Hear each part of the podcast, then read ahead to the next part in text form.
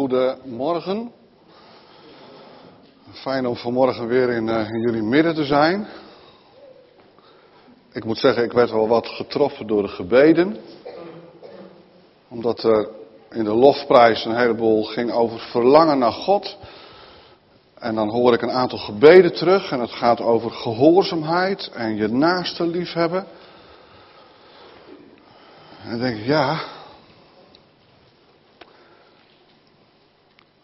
Niet alleen hoorders zijn van het woord, maar ook daders. En gisteravond, misschien vind je het een beetje een rare vergelijking, maar gisteravond, ik kijk nog wel eens graag naar Eredivisie Live. Dus voor mij redelijk ontspannen. Uh, ah, gelukkig, ik heb medestanders. Uh, helemaal fijn. En vorige week heb ik erg genoten, want toen won Heerenveen van PSV. En na die tijd kwam Dick Advocaat even in beeld. Hij zegt, ik word er wel eens wat moedeloos van. En gisteravond zat ik te kijken en ik dacht, het gaat goed met PSV, dus niet.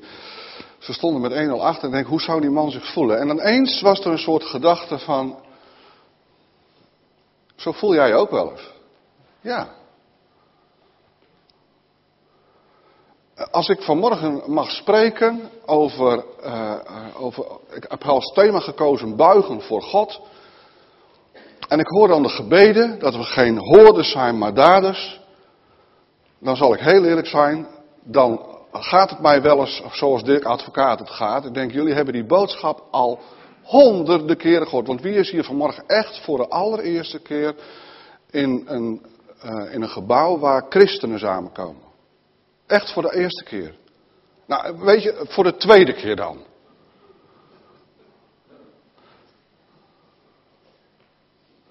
Dus jullie hebben waarschijnlijk het evangelie al wel vaker gehoord. Daar ga ik dan vanuit. En soms denk ik wel eens, wanneer gaan we nou eens doen wat God zegt in zijn woord? En dat sprak me ook heel erg aan naar aanleiding van het thema en wat jullie hebben, want het gaat uh, deze maand over delen, hè? leven uit de bron. Uh, dat is jullie, en, en vol worden van Gods geest en uiteindelijk dan uitdelen, daar ging het over. Nou, laat ik eerst, voordat ik daar nu zometeen op verder ga, want dat raakte mij wel, met jullie een aantal gedeeltes lezen uit de Bijbel. En als je hem bij je hebt, en dat hoop ik dan natuurlijk van harte, dan wil ik graag dat jullie in eerste instantie opzoeken Matthäus 10. Daarna lezen we een paar versen uit Handelingen, 2. En dan gaan we nog iets lezen uit Daniel.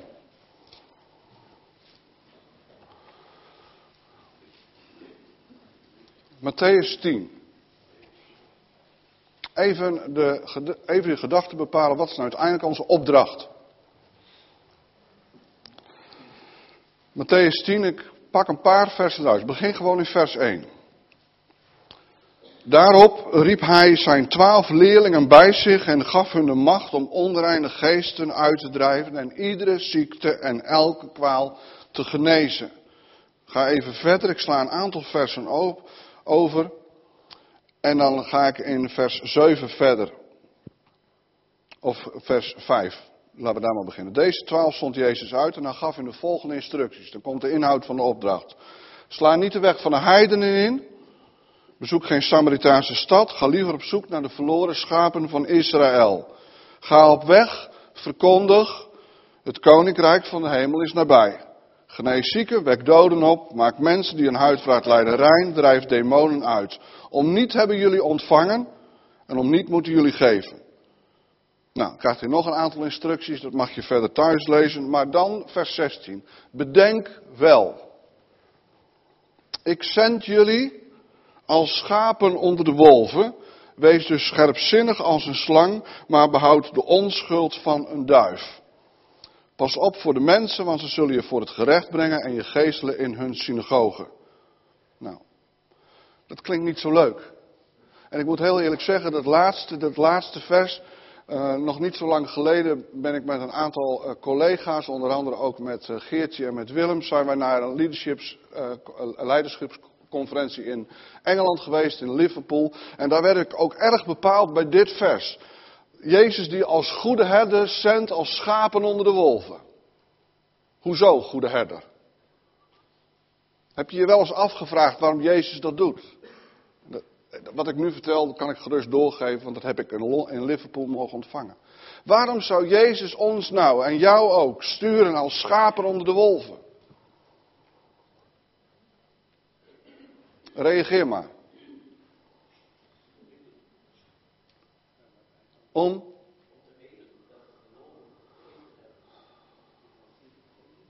Nee. Nou?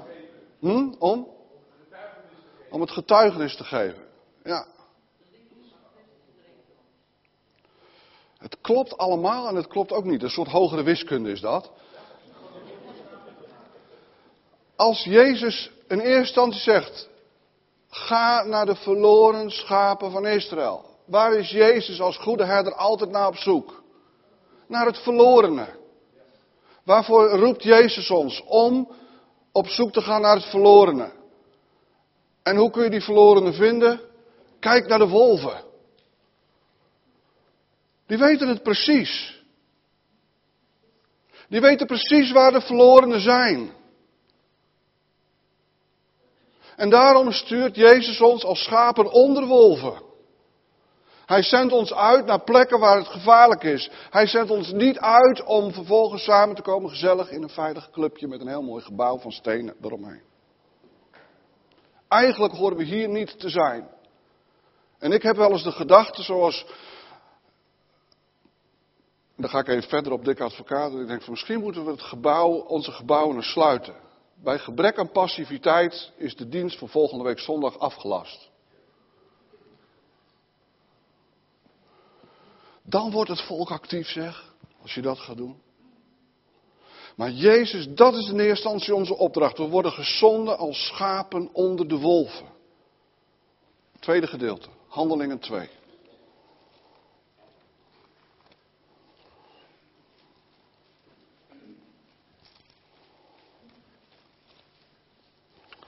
Handelingen 2, de eerste gemeente. Dan komt het heel dicht bij ons, hè. Er zijn al mensen die zijn gezonden en die hebben het woord van God verkondigd. Dat zijn die twaalf geweest, die zijn erop uitgegaan. Jeruzalem geweest, Samaria, verder. Uiteindelijk heeft het zelfs Drachten en ook buiten post bereikt, het evangelie. In eerste instantie gebeurde hier wat.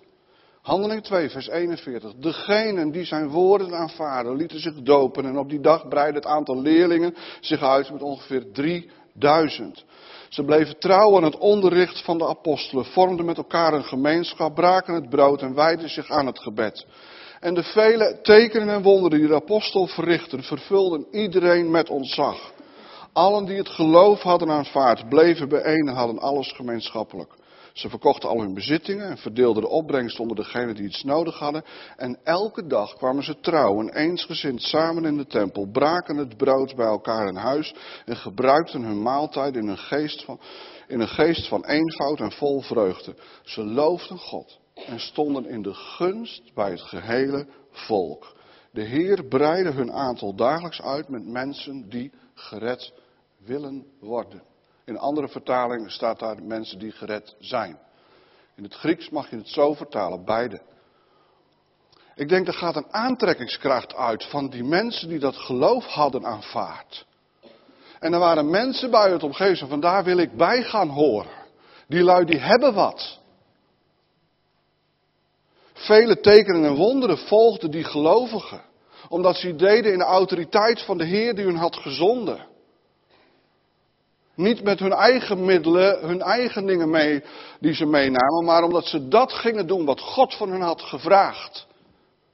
Leg zieken de handen op, drijf demonen uit, wek doden op. Wat doen we vandaag met de woorden van God? Verkondig het koninkrijk, dat is de opdracht van Jezus. Vele tekenen en wonderen volgden die eerste gemeente. Zij die het geloof hadden aanvaard. Het was alsof ze geraakt werden. Hier zie ik die mensen nog die die eerste liefde nog hebben. Die passie waar we net over zongen. Met meer passie dan ooit. En het had een geweldige uitwerking op hun omgeving. Hoe aantrekkelijk zijn wij? Hoe aantrekkelijk ben jij als christen? Ook heel individueel. Hè? Wij is makkelijk. Hoe aantrekkelijk zijn we dan als gemeente? Nou, gelukkig staat er een bord open thuis. Staat gelukkig bij de kant. Dus het is open en je mag je er thuis voelen, denk ik dan altijd, als ik hier aankom rijden. Zijn we echt aantrekkelijk? Als mensen hier komen en jou heel persoonlijk ontmoeten, ontmoeten ze dan degene die jou tot leven heeft gewekt? Ontmoeten ze dan door jou heen Jezus Christus, de Zoon van de levende God? Staan wij in de gunst bij het volk? Leven we zo, zijn we zo vol van de bron? Denk het aan jullie thema.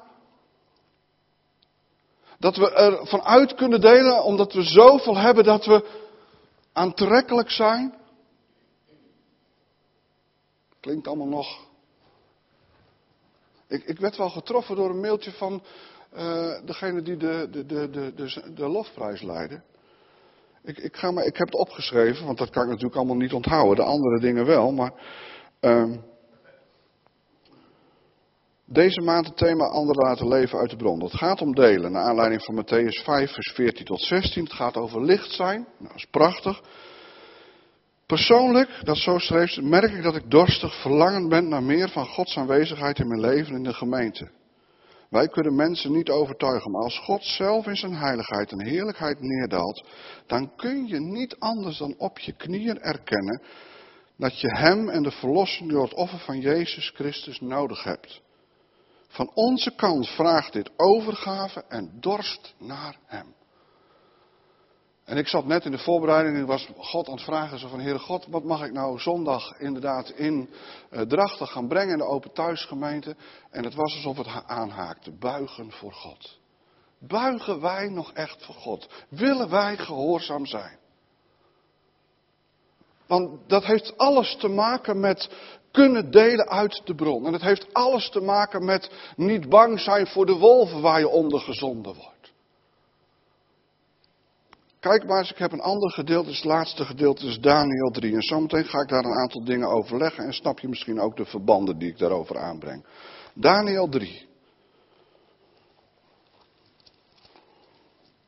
En de context van Daniel ga ik straks wat uitgebreider belangs. Daniel 3. En dan lezen we vers 15 tot en met 18.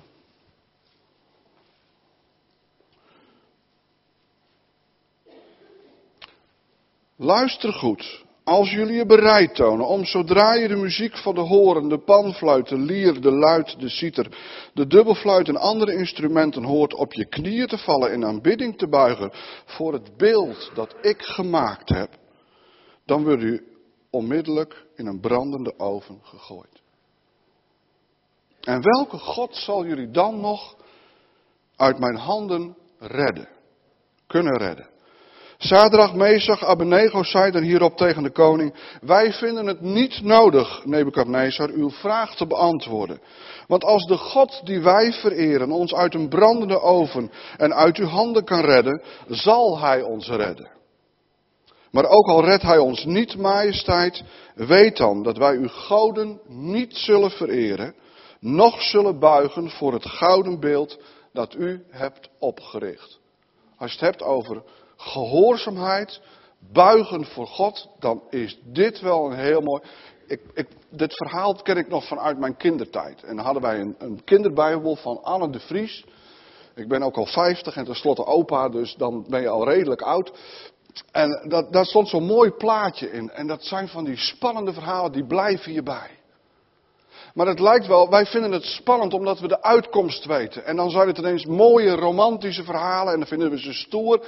En dan zie je die drie mannen staan met zo'n vurige oven en dat is het dan. Maar kennen we nog werkelijk en herkennen we de boodschap die in dit soort verhalen tot ons komen? Geloven we nog met heel ons hart dat God door dat woord ook naar de gemeente van Jezus Christus in 2013 spreekt? Het is niet zomaar een leuk romantisch verhaal wat je in een kinderbijbel plaatst en dan vervolgens, ach, dat vinden we dan mooi en stoer. En, maar soms denk ik wel eens dat, en daar word ik dan moedersloos van, dat we heel vaak die woorden van God horen. En we lezen ze, we onderwijzen ze zelf, we maken ons er nog druk over ook. Want daar hebben we ook een handje van. En vervolgens, dan is het zondagmiddag, een uur of één. En dan gaan we over tot de orde van de dag.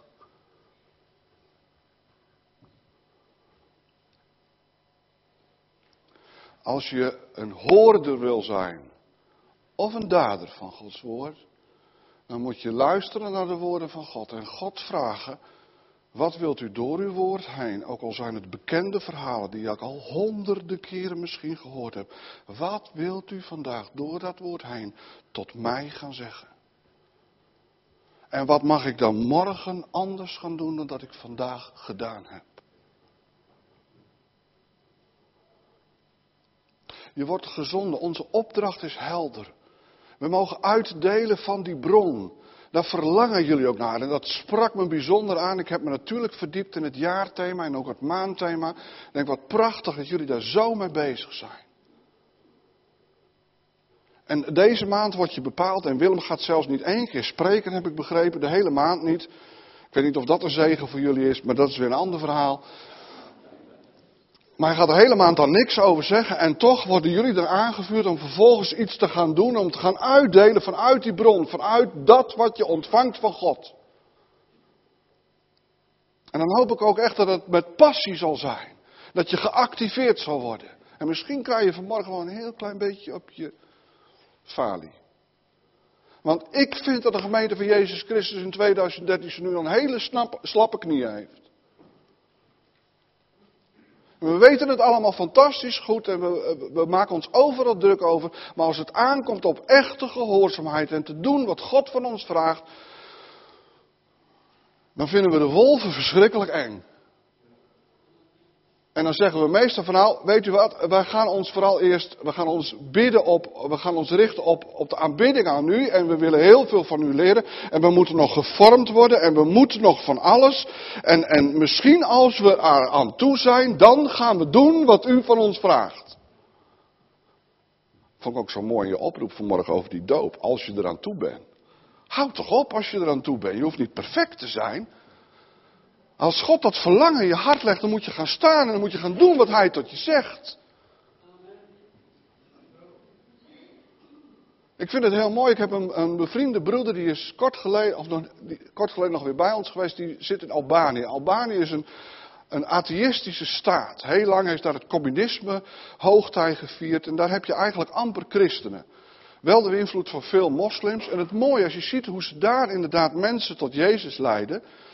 Ze leiden ze vandaag tot Jezus, morgen gaan ze onderwijzen en de dag daarna gaan diezelfde mensen de straat op om anderen te onderwijzen over Jezus. Niks geen cursus. Niks geen jaarthema's.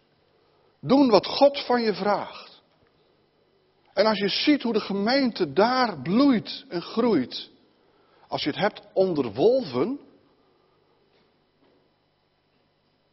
Dan, wij, wij hebben niet zoveel enge wolf voor. Ja, wij vinden de wereld eng. Maar het is meer omdat wij het moeite hebben en dat we ons bijna schamen en, en eh, voor, voor onze eigen onkunde. En we maken ons dus heel erg druk over onze eigen geloofsvorming. Dat verwachten we ook in de kerk. Hier moet je gevormd worden. Hier moeten wij groeien in geloof. Vond ik ook zo mooi tijdens die conferentie. Heeft Willem het al verteld, het verhaal van de twee kikkers? Nee? Oh, dat was echt een geweldig. Ik kan je vertellen, ik ga Willem even helemaal vrijzetten. Willem is vanaf vandaag niet meer verantwoordelijk voor jullie geloofsgroei. Nou, dan weet je dat alvast. Willem hoeft alleen maar te zaaien en hij mag oogsten. Er waren twee kikkers. Even het verhaal, je kent allemaal wel de gelijkenis van de zaaier. Nou, daar heeft het een beetje mee te maken er was een kikker die had een prachtig tuintje met mooie bloemen en het, dat was, zag er prachtig uit. En buurman kikker die was eigenlijk heel erg jaloers. Dat wil ik ook. Nou, zegt, is geen probleem. Hier heb je wat zaad. Wat je moet doen is hard werken. Zorgen dat de grond mooi uh, vrijgemaakt wordt. Je haalt de stenen uit, de rotzooi eruit. Dan zaai je het erin. En dan moet je wachten. En dan gaat het groeien. En dan uiteindelijk, als het dan groeit, dan moet je weer aan het werk. Want misschien moet je wel de bloemetjes eraf halen en het onkruid ertussen uitwieden. En dan mag je dus eigenlijk oogsten. Nou, Kikker had dat gedaan. Heel hard gewerkt. Prachtige rechte rijen inderdaad. En, uh, en had het zaad gezaaid. En toen ging hij erbij en zei van, nou, kom maar op zaad, ga maar groeien. Op een gegeven moment ging hij zelf stampen, zo van, eh, nou, misschien is het zaad niet wakker. Dat kan. Dat, soms heb je van dat zaad wat onwillig, dan moet je even stampen, misschien wordt het dan wakker en dan wil het dan wel groeien. Dat werkte niet. Gelukkig had hij een heel mooi muziekinstrument. Het is bijna een soort combo als vanmorgen. Dus muziek maken voor het zaad, want misschien was het zaad wel ontevreden. En als je ze dan brengt in een bepaalde sfeer, dan worden ze wel tevreden en dan gaat het misschien wel groeien. Nou, sterker nog, had zelfs nog een heel mooi boek. En hij ging dag en nacht voorlezen vanuit het boek bij het zaad. In de hoop dat het zaad ging groeien. Hij werkte zich helemaal. Hij was kapot. En maar werken, en maar werken. En op een gegeven moment viel hij in slaap. En op een bepaald moment werd hij wakker getikt. Door de buurman, buurman Kikker. En zegt, uh, moet je luisteren joh, je tuin staat vol. Nou mooi in de slag. Hij zegt, ik kan niet meer.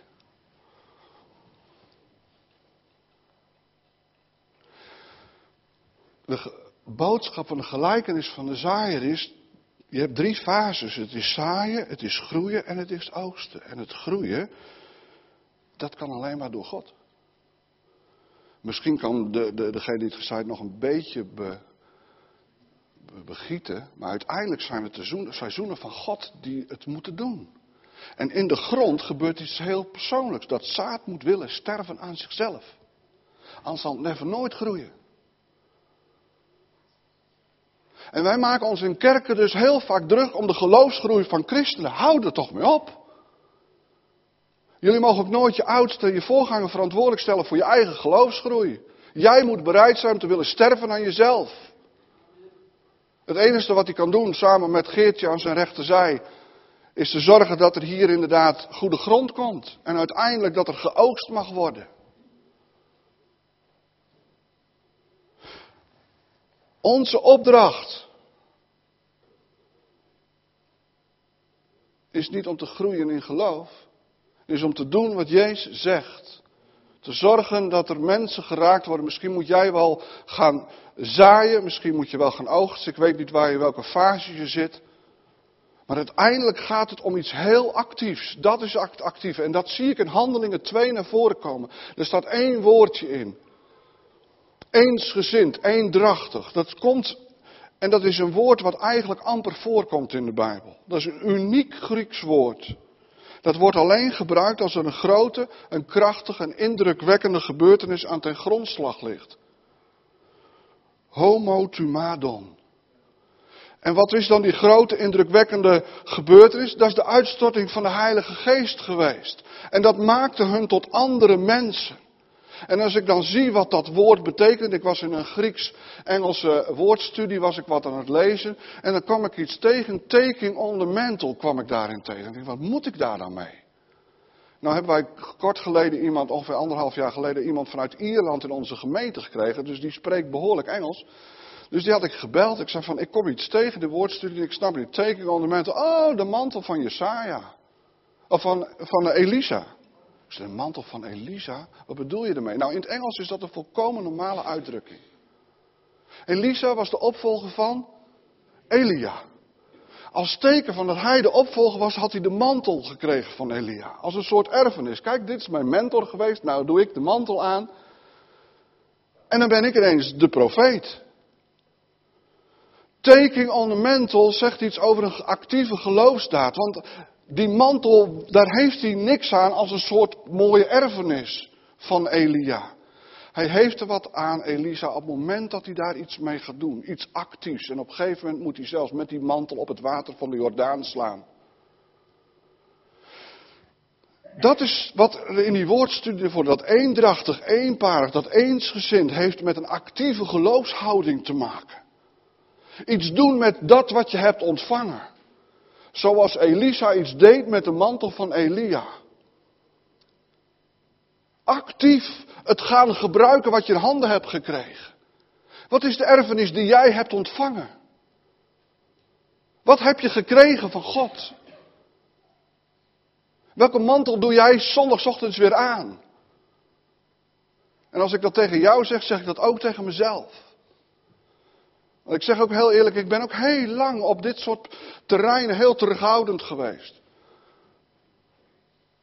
Het is veel makkelijker om het te doen binnen de kerken. Het is veel moeilijker om naar buiten te treden. Het is ook veel makkelijker om intern binnen de kerken maar bepaalde dingen inderdaad, nou laten we maar wat terughoudend zijn. Nou, bijvoorbeeld het opleggen van handen bij zieken. Genezing uitspreken over iemand zijn lichaam. Ik heb de laatste tijd weinig doden opgewekt, geef het eerlijk toe. Maar naarmate ik ben gaan doen zoals God dat van mij vraagt. Actief geloofsdaad. Niet alleen maar die erfenis voor mezelf koesteren van kijk eens, ik ben, ik heb iets van God ontvangen, maar daar mee naar buiten treden. Wetend dat ik me beweeg als een schaap onder de wolven. En ik merk naarmate ik dat ga doen, dat God het zegent. Op een wonderlijke manier. Ik mag meemaken dat mensen bevrijd worden van demonen. Ik mag meemaken inmiddels dat mensen op een wonderbaarlijke manier genezen. Twee weken geleden nog bij ons in de gemeente. We hadden een dienst over genezing waarin we heb ik onderwijs gegeven en we hadden gebeden.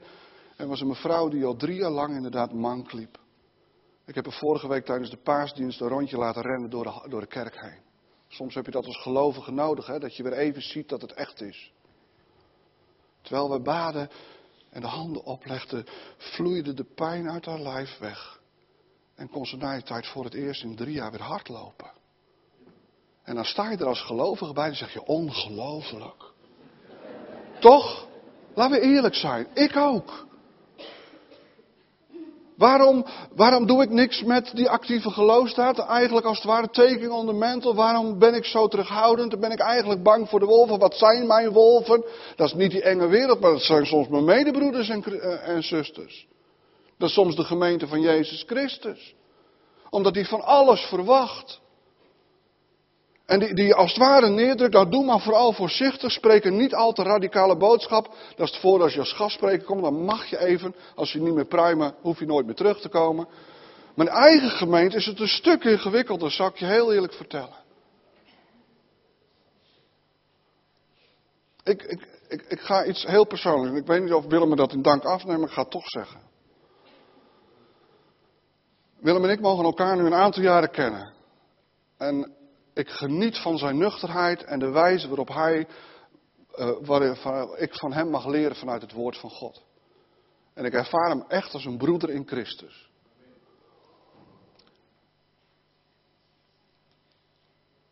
In november zijn Willem en Geertje bij ons op een retraite geweest. We hebben een retraite georganiseerd, een predikantenretraite, waarin we onderwijs gaven over het werk van de Heilige Geest.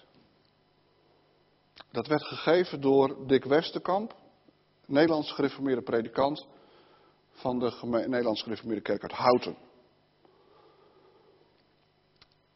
En dat deed hij samen met zijn vrouw Jeanette en mijn vrouw Sjoeke en ik waren daar gastheer en gastvrouw. Ik ben een aantal jaren geleden in aanraking gekomen opnieuw met het werk van de Heilige Geest. En het heeft me veranderd. In alles, in alle opzichten heeft het me veranderd en het verandert me nog steeds. En het heeft onze gemeente in Buitenpost veranderd. Enorm. Dat is spannend en het is ingewikkeld en soms gaat het met strijd gepaard, maar het verandert. En ik hoor Willem een week daarna tegen mij zeggen, toen ik hem hier sprak, toen we een overleg hier hadden. En dan kom ik altijd een half uurtje eerder, want dan kan ik ook met Geertje nog even koffie drinken.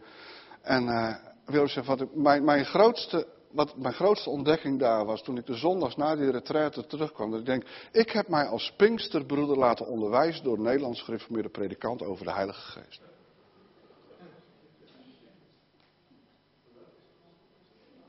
Dat was Willems ontdekking. Maar tegelijkertijd, wat zijn we kwijtgeraakt?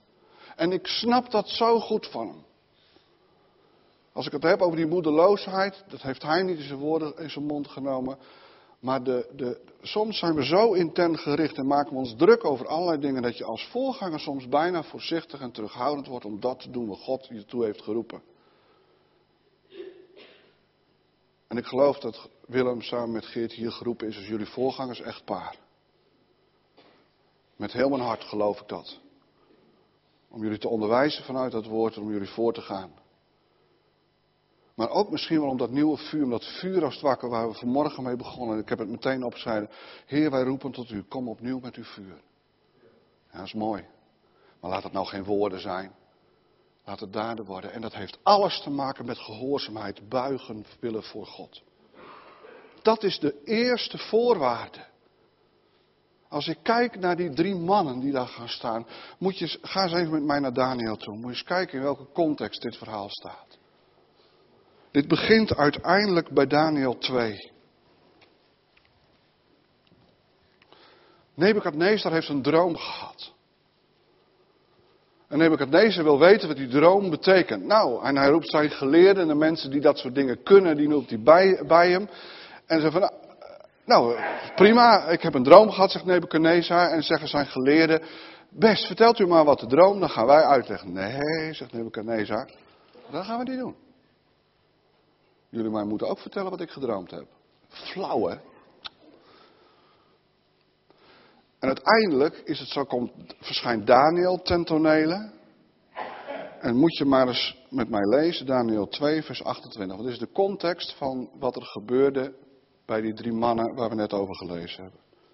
Daniel zegt tegen, tegen Nebukadnezar, maar er is een God in de hemel die dit mysterie onthult. En dan gaat hij verder in vers 31 en dan zegt hij, majesteit, u heeft een visioen gehad. U zag een groot beeld. Daniel vertelt wat Nebukadnezar heeft gedroomd. En gaat hem uitleggen, hij zegt, moet luisteren, dit is een beeld van de toekomst. Dit is een beeld van wat er in de toekomst gaat gebeuren. En dit was uw droom. En dat zegt u uiteindelijk in vers 38, eh, helemaal aan het eind van vers 38. En u bent het hoofd van goud.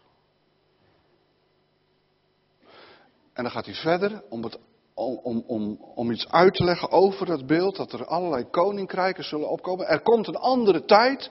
Er zullen koninkrijken zich op, als het ware bijna zo, er zullen wolven gaan komen. Dat mag je misschien zo, dat vertaal ik zo, dus is mijn eigen inlegkunde. Maar er komt een andere tijd, er komt een periode waarin mensen inderdaad u niet meer zullen gaan dienen. En wat staat er dan in vers 44? Maar ten tijde van die koninkrijken zal, God, zal de God van de hemel een rijk laten opkomen dat nooit ten gronde zal gaan en dat nooit op een ander volk zal overgaan. Dit zijn de gelovigen. Dit zijn de mensen die het geloof hadden aanvaard, die zich lieten dopen en die tekenen en wonderen deden. Te midden van allerlei koninkrijken. En ik weet wel, dit kun je ook weer in een eindtijd of uh, visie kun neerleggen. Dat laat ik allemaal achterwege, want dat zijn menselijke visies, hoe bijbelgetrouw ze ook zijn. Wij leven in een tijd dat er allerlei koninkrijken worden opgericht. En te midden van dat koninkrijk is het koninkrijk van Jezus Christus openbaar geworden. Dat geloof ik met heel mijn hart. En dat is wat Daniel hier al vertelt aan Nebukadnezar. En dan is Nebukadnezar onder de indruk, vers 47. En dan is ja, de koning zegt tegen Daniel, het is waar, uw God is de God der goden en de Heer der koningen. Nou, dat lijkt wel alsof als Nebukadnezar tot een stuk overgave komt. Maar dan zijn we 15 tot 17 jaar later verder en dan is er helemaal niks meer van dat beleiden bij Nebukadnezar overgebleven. Hij ziet ineens dat er van alles gebeurt. Wat gebeurt er? In eerste instantie had hij Daniel, omdat Daniel dat visioen had uitgelegd, had hij Daniel een bijzondere positie gegeven. Maar ook de vrienden van Daniel, die waren een soort uh, provinciebestuurders geworden van de provincie Babel. Daar waren ze vervolgens door, naar aanleiding van de openbaring die God had gegeven, waren drie, drie mannen, die vrienden van Daniel, daar aangesteld. En dan zijn we 15 tot 17 jaar later verder. En dan is er iets anders met Nebukadnezar. Ik denk dat hij die droom vergeten is. Maar hij is onder de indruk geraakt van zijn eigen koninkrijk. Zoals mensen vandaag de dag ook zo enorm onder de indruk kunnen zijn van hun eigen koninkrijkjes. En dat moet steeds groter worden en dat moet belangrijk zijn. En oh, wee je gebeente als je aan mijn koninkrijkje komt. Nebukadnezar ging heel ver hoor. Er zijn kleitabletten gevonden met de volgende tekst. Babylon, koninkrijk der koninkrijken, grootste van alle koninkrijken op aarde, mogen mijn koninkrijk eeuwig blijven bestaan. Moest kijken wat er in het hart van deze man leefde. Ongeveer 15 tot 17 jaar later, nadat in eerste instantie Daniel iets had geopenbaard. En dan, dan gaat hij een beeld maken. Zegt, ik vind mijzelf zo belangrijk. Ik ga een enorm beeld, en dat doe ik in de provincie Babel. Hey, daar waren die vrienden van Daniel aangesteld. Ik weet niet wat die mannen hebben gedacht, maar die hebben voor hun ogen gezien dat de wolven kwamen. Die waren trouw aan de woorden van God en die hebben allerlei bewegingen in hun omgeving gezien van dingen die niks meer met God te maken hadden. Zij waren uiteindelijk degene die leiding moesten geven aan de. Misschien is Nebuchadnezzar zelfs wel met een verzoek tot een soort bouwvergunning. Van kan ik de bouwvergunning hier aanvragen? Misschien is hij wel zo bij hun geweest. Zij wisten wat er gebeurde in hun omgeving. Dat er dingen opgericht werden die absoluut niets met God te maken hadden, met de God die zij wilden dienen. En dan gebeurt er wat. Nebukadnezar die wil, gaat zo ver, want uiteindelijk, want dit is, een, dit is een beeld van de toekomst ook. Hè? Je ziet het ook in openbaring nog weer terugkomen. Er komt een andere tijd, bijna diezelfde soort koninkrijken zie je naar voren komen. Er zullen afgoden gaan komen, er zullen dingen opgericht worden waardoor jij afgeleid wordt. Waardoor je, je, waardoor je terughoudend wordt, waardoor je voor een keuze komt te staan. Wie ga ik dienen? Aan wie wil ik gehoorzaam zijn? Het is alsof er allerlei wolven om je heen neergezet worden. En dan komt het erop aan. Voor wie buig jij? Als ik ga naar deze tijd, dan denk ik van ja. Wat is, wat, hoe zou dat beeld er nu uitzien? Eh, ik gerichtheid, zelfhandhaving, macht controle, onze eigen visie. Uh, ga maar door. Het gaat om mij. Misschien is wel onze grootste afgod vandaag de dag, en dan moest ik, ik weet niet waarom ik het moet zeggen, maar ik heb daar al twee dagen de gedachte, onze grootste afgod is volgens mij onze agenda.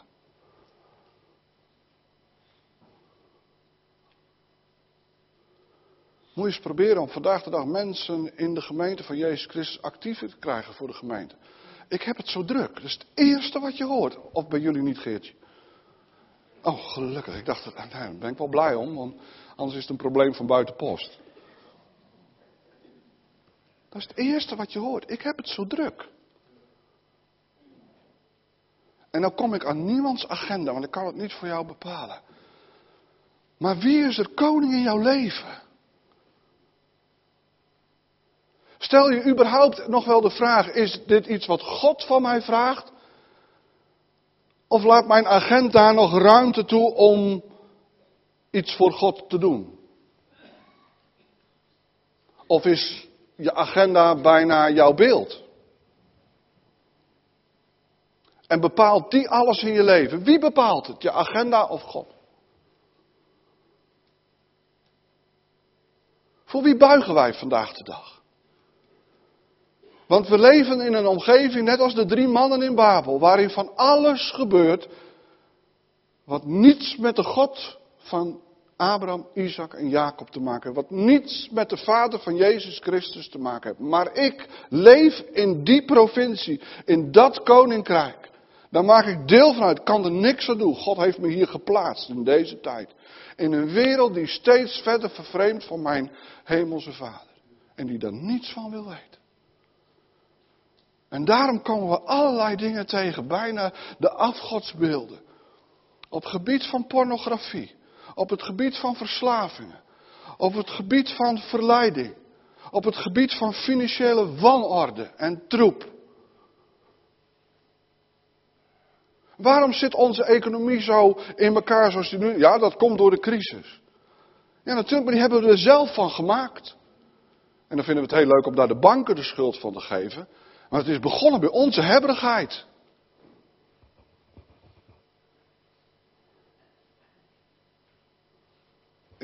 Misschien vind je het heel veel te scherp gesteld, nou dat is dan maar zo. Misschien ben ik op je tenen gestaan. Het spijt me. Nou, eigenlijk niet. Ik, ik, heb een paar jaar geleden een voorbeeld te noemen. Ik ben toch hier, dat kan een mooi voorbeeld te noemen. Ik had het over geloofsopvoeding. En, en, een man en een vrouw. En ik, ik had iets in die preek gezegd over het, het gezin waarbij man en vrouw beide 100% werkten. Dat is heel gevaarlijk in deze tijd. En ik ging daar een aantal dingen hoe belangrijk je gezin is. Daarom sprak me uh, dat zo aan. En ik mag jullie al een poosje kennen, want nu dan kom je in buitenpost, ga je bezoek bij je, bij je moeder. Hè? En dan kom je eens langs. Denk je, ja, je gezin is het eerste wat God je heeft gegeven. Dat is verantwoordelijkheid voor willen nemen. Dus God, het is je gezin en dan komt de gemeente. Dat klopt. Dat vraagt soms keuzes maken. Ik zag een echtpaar bij ons in de gemeente, allebei 100% werken, een enorme uh, dure hypotheek, uh, enorm huis, prachtig en ik gun het ze van harte. Ik vind het geweldig. Ja, dan valt er een baan weg, kunnen we ineens de hypotheek niet meer betalen. Maar dat heeft ook met ons, uh, waar strekken we ons naar uit? Onze levensstandaard is zo verschrikkelijk hoog geworden. Denk je nou werkelijk dat deze wereld niet voldoende voedsel voortbrengt om de hele wereld daarvan van voedsel te voorzien? Natuurlijk wel. God heeft deze hemel en aarde, heeft deze wereld geschapen. Dat heeft God gedaan. En God maakt geen fouten, daar ben ik echt van overtuigd. En hij is in staat om het zo te organiseren en zo te laten groeien dat er voldoende voedsel is voor de hele bevolking die daarop geplaatst is. Alleen wij hebben het een beetje onhandig verdeeld. Omdat wij dachten dat andere koninkrijken belangrijker was als zijn koninkrijk.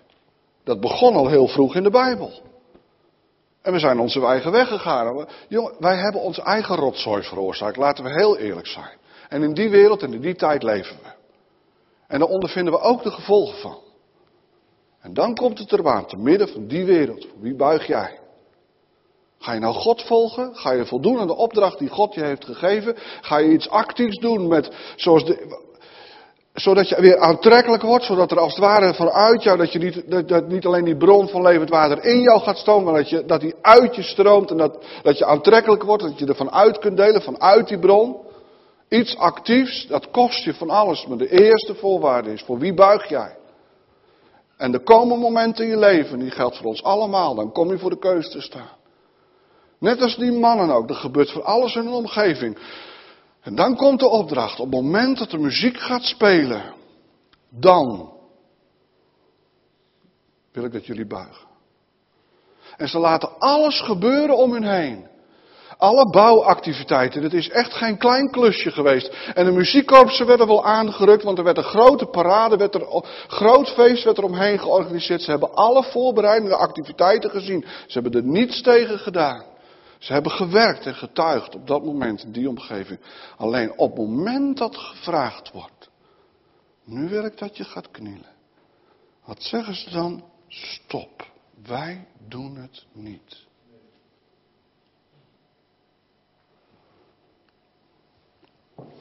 En dat is heel bijzonder. Want om ze toch een beetje te motiveren om het wel te doen, had Nebuchadnezzar een leuk vuurtje aangelegd. Zo'n kampvuurtje. Beetje. Nou, het was een behoorlijk vuur, want degene die het aanlegde, zelfs hun slaven, stierven al bij het.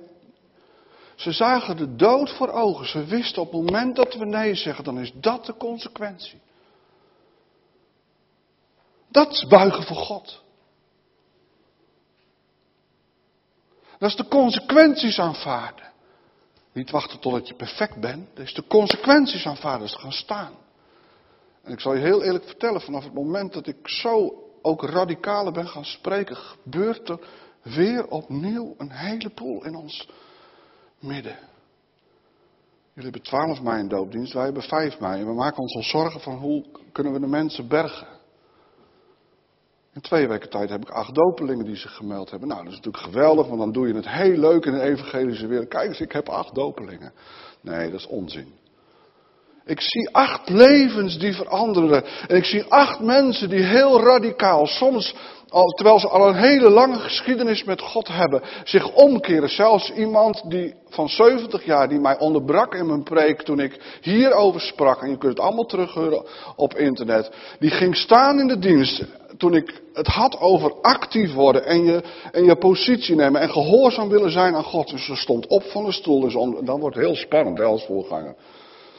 En die onderbrak me letterlijk. En ik wist niet wat er zou gaan komen. En die zus die ging staan en zei, ik ben er al zo lang mee bezig. En vanmorgen heb ik het opnieuw gehoord. En ik wil me laten dopen. Dik in de zeventig.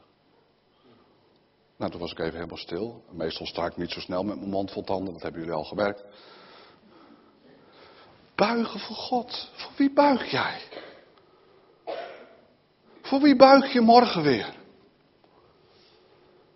Buigen voor God heeft alles te maken dat het je ook alles mag kosten. En dan is de weigering, in dit geval van de drie mannen, ze zien de dood voor ogen, ze zullen oven gegooid worden. En Nebuchadnezzar stelt ze nog even voor de keuze van stel je voor dat. Moet je kijken, hier is het vuur en als jullie dan... En waarom buigen jullie niet? We hebben geen behoefte om u hier antwoord op te geven, Nebuchadnezzar. Is, is, is, een bizar, bizarre reactie. Als jullie weigeren om te buigen, wij vinden het niet nodig om u hier antwoord op te geven. Nou, ik kan me voorstellen, als ik Nebuchadnezzar was, dan, dan had ik ze helemaal meteen een draai in mijn oren gegeven. Niet verder spreken. Maar ze gaan veel verder. Want als de God die wij vereren, moet je kijken wat de getuigenis deze man geven. Ons uit een brandende oven, uit uw handen kan redden, zal die ons redden. Zij spreken hun vertrouwen op God uit. Maar, dat is niet het enige. Als hij het niet doet, ook dan zullen we uw goden niet vereren. Ze hadden geen enkele zekerheid dat God hun uit die vurige oven zou redden. Zij vertrouwden wel God dat hij zou kunnen. Zij, zij beleden zijn almacht. Maar ze hadden geen enkele zekerheid. Nou zijn we echt gestuurd naar een wolf en misschien verscheurt hij ons wel. Als jij gezonden wordt door God, maar heb je maar één zekerheid dat er God bij is en dat je zijn autoriteit hebt gekregen. Maar je kunt met dingen in aanraking komen, dat kan consequenties hebben. Vergaand. Het kan je alles kosten. Misschien wel je populariteit in de klas. Morgen kun je al buigen voor je God. Bijvoorbeeld in de schoolkantine.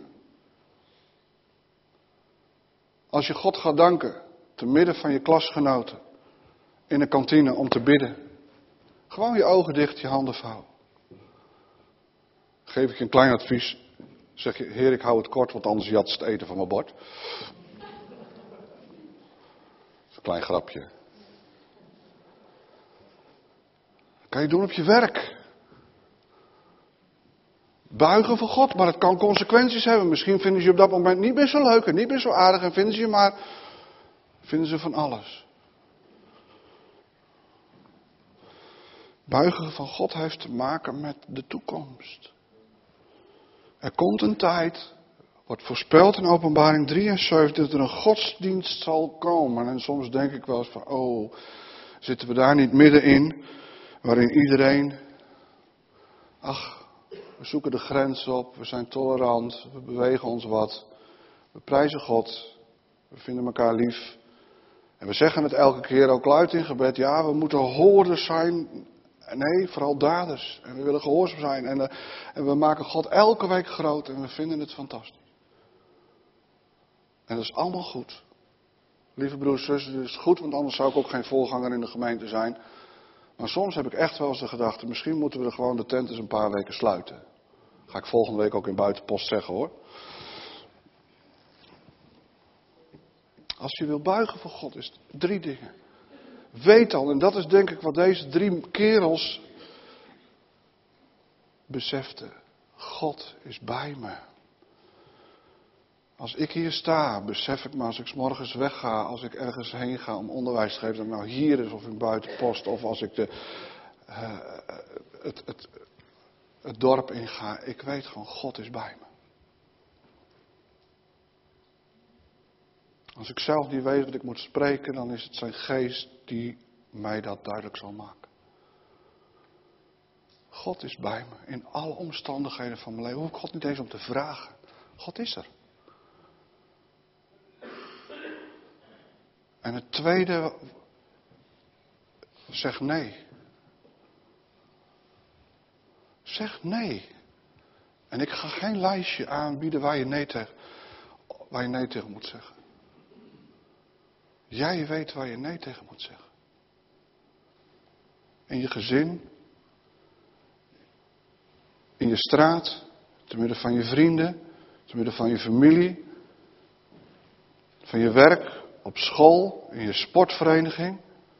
Jij weet waar je nee tegen moet zeggen. Zeg nee. Want God wil niet dat ik andere goden voor zijn aangezicht neerzet. Het is Hem, het is Hij en het is Hij alleen. Zeg nee. Dat kan je vanuit het besef, God is bij je. En als derde aanvaard dan de consequenties. Dat is misschien geen vrolijke boodschap. Maar ik zal je verzekeren, je zult tot zegen zijn voor velen. De consequenties aanvaarden is volgens mij wat die mensen deden in Jeruzalem in de eerste gemeente. Actief met hun geloof. En ze stonden in de gunst bij het gehele volk. Er was iets in hun waardoor mensen, wij willen ook uit diezelfde bron waar jullie uit geput hebben, daar willen wij uit putten. En wonderen en tekenen zullen je gaan volgen. Aan één kant zegen, omdat ik geloof dat God erbij is, met heel mijn hart. En dan mag je wonderen verwachten, je zult wonderen gaan ervaren. Je zult bijzondere dingen mee gaan maken. Maar het kan ook consequenties hebben waarbij je inderdaad apart komt te staan. Misschien wel op je werk. Dat de collega's zich van je afkeren. Maar als je weet dat God erbij is. En je doet dat in midden van anderen. En aan de andere kant zullen mensen jaloers op je zijn omdat je durft te gaan staan. Omdat er eindelijk eens een keer iemand die in een tolerante en een meegaande samenleving eens een keer zijn nek uit durft te steken. Besef dat God bij je is. Zeg nee. Aanvaard de consequenties. En dan zul je tot grote zegen zijn. Wil je de vuurproef doorstaan? Wil je zegen ervaren? Wonderen en teken zien? In de gunst staan bij het hele volk? Wil je uit kunnen delen vanuit de bron? Weet dan dat buigen voor God zijn uitwerking nooit zal missen. Want er is geen God die kan redden zoals de God van Daniel, van Sadrach, van Mesach en Abednego. Er is geen God die zo kan redden zoals de Vader van Jezus Christus, die hem opwekte vanuit de dood, die ervoor zorgde dat alle alles van de duivel openlijk tentoon werd gesteld. En die het zo voor elkaar maakt dat jij tot leven bent gewekt. Er is geen God die zo kan redden. Kies dan. Kies dan. Heden wie gij dienen zult. Amen. En ik ga jullie ertoe oproepen. In een hele, misschien wel beschermde omgeving. Mag het muziekteam vragen om naar voren te komen. En we gaan het lied zingen, ik kniel neer en beleid. En misschien moet je vandaag eens, en niet omdat je buurman of je buurvrouw, eh, en als je het niet kunt vanwege je leeftijd of je gezondheid, moet je gewoon blijven zitten zoals je nu zit. Maar je zegt, ik wil echt vandaag eens uitstappen en laten zien wie ik dien in mijn leven. Doe dan wat dit lied, wat we dan ook in dit lied gaan zingen. Ik kniel neer en beleid. En laten we met elkaar knielen en buigen voor God. En laat dat een statement zijn wat je vandaag maakt, wat zichtbaar zal zijn in de hemelse gewesten. En ontvang dan ook gewoon Gods zegen en zalving.